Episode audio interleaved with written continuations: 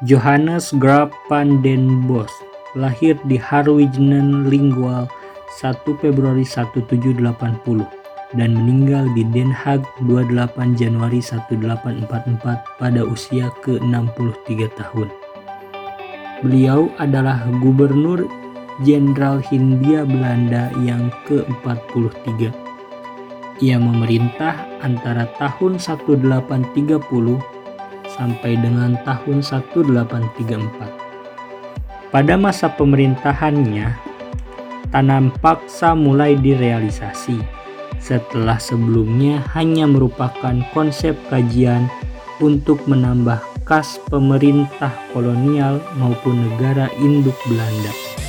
Yang kehabisan dana karena peperangan di Eropa maupun daerah koloni, terutama di Jawa dan Pulau Sumatera.